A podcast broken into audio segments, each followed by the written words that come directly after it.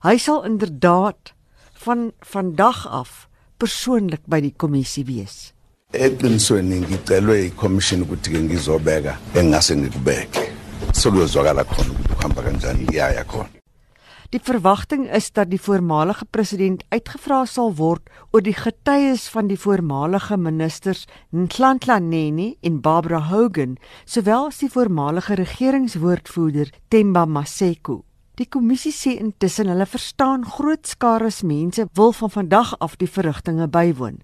Die kommissie het voorsorgmaatreëls getref om toegang tot die saal te beheer.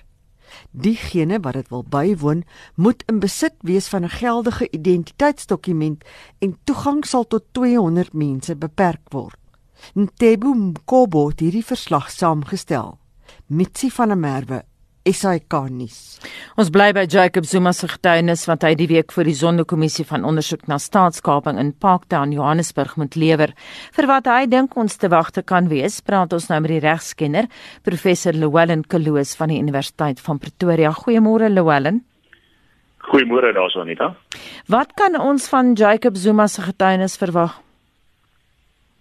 Wel, ek dink ons moet uh, vir mekaar reg sê hy sal baie versigtig wees om homself onnodig te inkrimineer want ons moet uh, besef dat na afloop van hierdie staatskaping verslag wat gaan uitkom deur die Sonderkommissie daar waarskynlik een of ander vorm van vervolging geïnisieer sal word deur die nasionale direkteur van openbare vervolging. En uh jy weet hy is 'n hoofkarakter in die hele uh, aangeleentheid. Jy weet hy word by ten minste 5 uh sint uh, vyf keer as sentrale figuur geïdentifiseer in die verskillende skandale wat ons gehoor het en dit is maar net 'n druppel in die emmer. Jy weet ons uh, jy jy jy die geval uh, aangehoor van die ANN uh nuusredakteur Ades Sundaram die, oor die vinnige uniese uh uh visums wat onder andere ook deur hom bespoedig is en al daardie tipe van goederes uh, is nie eens genoem in die pakkie wat jy voor jou gehad het nie. Jy weet daar was die geval gewees van 'n SAIK se argiewe wat uh, sekere historiese argiefmateriaal byvoorbeeld teen 'n appel en 'n ei letterlik verkoop is terwyl dit uh, miljoene rande werd was en dit is onder andere met die intervensie van die voormalige staatspresident bewerkstellig. Weet, dan het ons nog eens gekom met die partytjies wat die president homself en onder on, jy sal onthou die onder andere sy 72ste verjaarsdagkoek en die markiestente en jy weet die 220000 uh middagete pakkies wat hy voere verantwoordelik was wat hy opdrag gegee dit moes gedoen word. Jy weet die hele kontroversiële waterkloof landing uh, uh gebeurtenis. Ja, dit is maar net van die goeders. Ek praat nie eers van Barbara Hogan, uh jy weet in in in Ben Bartons min oud-ministers se se betrokkeheid via president Jacob Zuma om die byvoorbeeld Transnet se uh uitvoerende direkteure aan te stel en die tipe van goeders. So daar's baie aangeleenthede waaroor hy uh, uitgevra kan word. En die vraag wat gevra gaan word is tot watter mate gaan hy bereid wees om te antwoord en homself te impliseer, want elke vraag en antwoord wat hy gee, sal waarskynlik die grondslag vorm vir 'n potensiële strafsaak wat in vooruitsig gestel word teen hom. Kan hy weier om te antwoord? Ja natuurlik. Ek meen uh, hy hy is daar met ander woorde hy is behoorlik uh uh wat ons sê gesubpoena met met ander woorde by wyse van 'n getuie dagvaarding voor die kommissie uh geroep. Hy het dit nagekom so hy's nie in minagting van van enige iets nie. Uh maar of hy homself moet inkrimineer, dit is 'n ander vraagstuk. Jy weet en tot watter mate. Weet dit help nie jy gee antwoord maar daai antwoord kan nie behoorlik getoets word deur behoorlike kruisondervraging deur van die ander betrokkenes nie. En uh, my my regsgevoel sê vir my hy sou op goeie advies van sy eie regspan baie versigtig wees om net die kraak antwoorde te gee links en regs. Maar wat is die nut van die kommissie dan? weet ons moet vir mekaar reg sê jy weet ek het nog altyd die die, die standpunt gehuldig jy weet dit is een ding om tot 'n gevolgtrekking te kom wat ons almal waarskynlik reeds weet en dit is dat daar waarskynlik op alle aanduidings staatskaping plaasgevind het.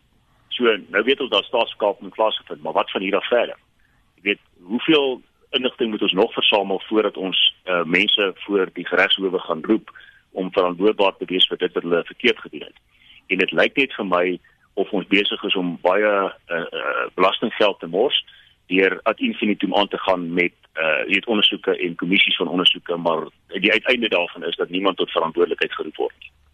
Wat dink jy dusver tot dusver van regters onder so hantering van getuienis? Ek praat nie net van getuienis wat te doen het met Zuma nie.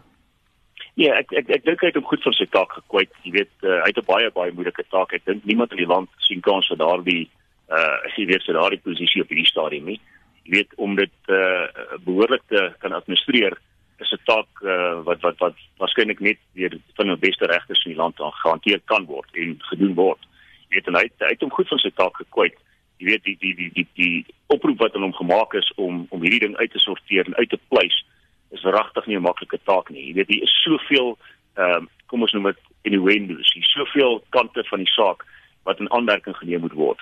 En die uiteindelik uh, uiteinde daarvan is hy moet 'n verslag saamstel wat waarskynlik duisende bladsye gaan beloop uh om vir die land te wys wat ons almal reeds vermoed. So ek ek ek ek kan geen kritiek teen sy optrede uh jy weet uitspreek nie, maar uh, ek wil terselfdertyd dit noem, jy weet in baie gevalle sou van van van ander regsgeleerdes miskien kan argumenteer hy moes meer kruis van 'n vraging byvoorbeeld in sekere gevalle toegelaat het. Jy weet juist dat ons kan toets of daar behoorlike ehm um, jy weet dit is in die getuienis wat gelewer is. Miskien is dit die enigste punt wat 'n mens kan oor uh, redekabel uh, of dit nie anders hanteer kon gewees het nie. Baie dankie dit aan die mening van die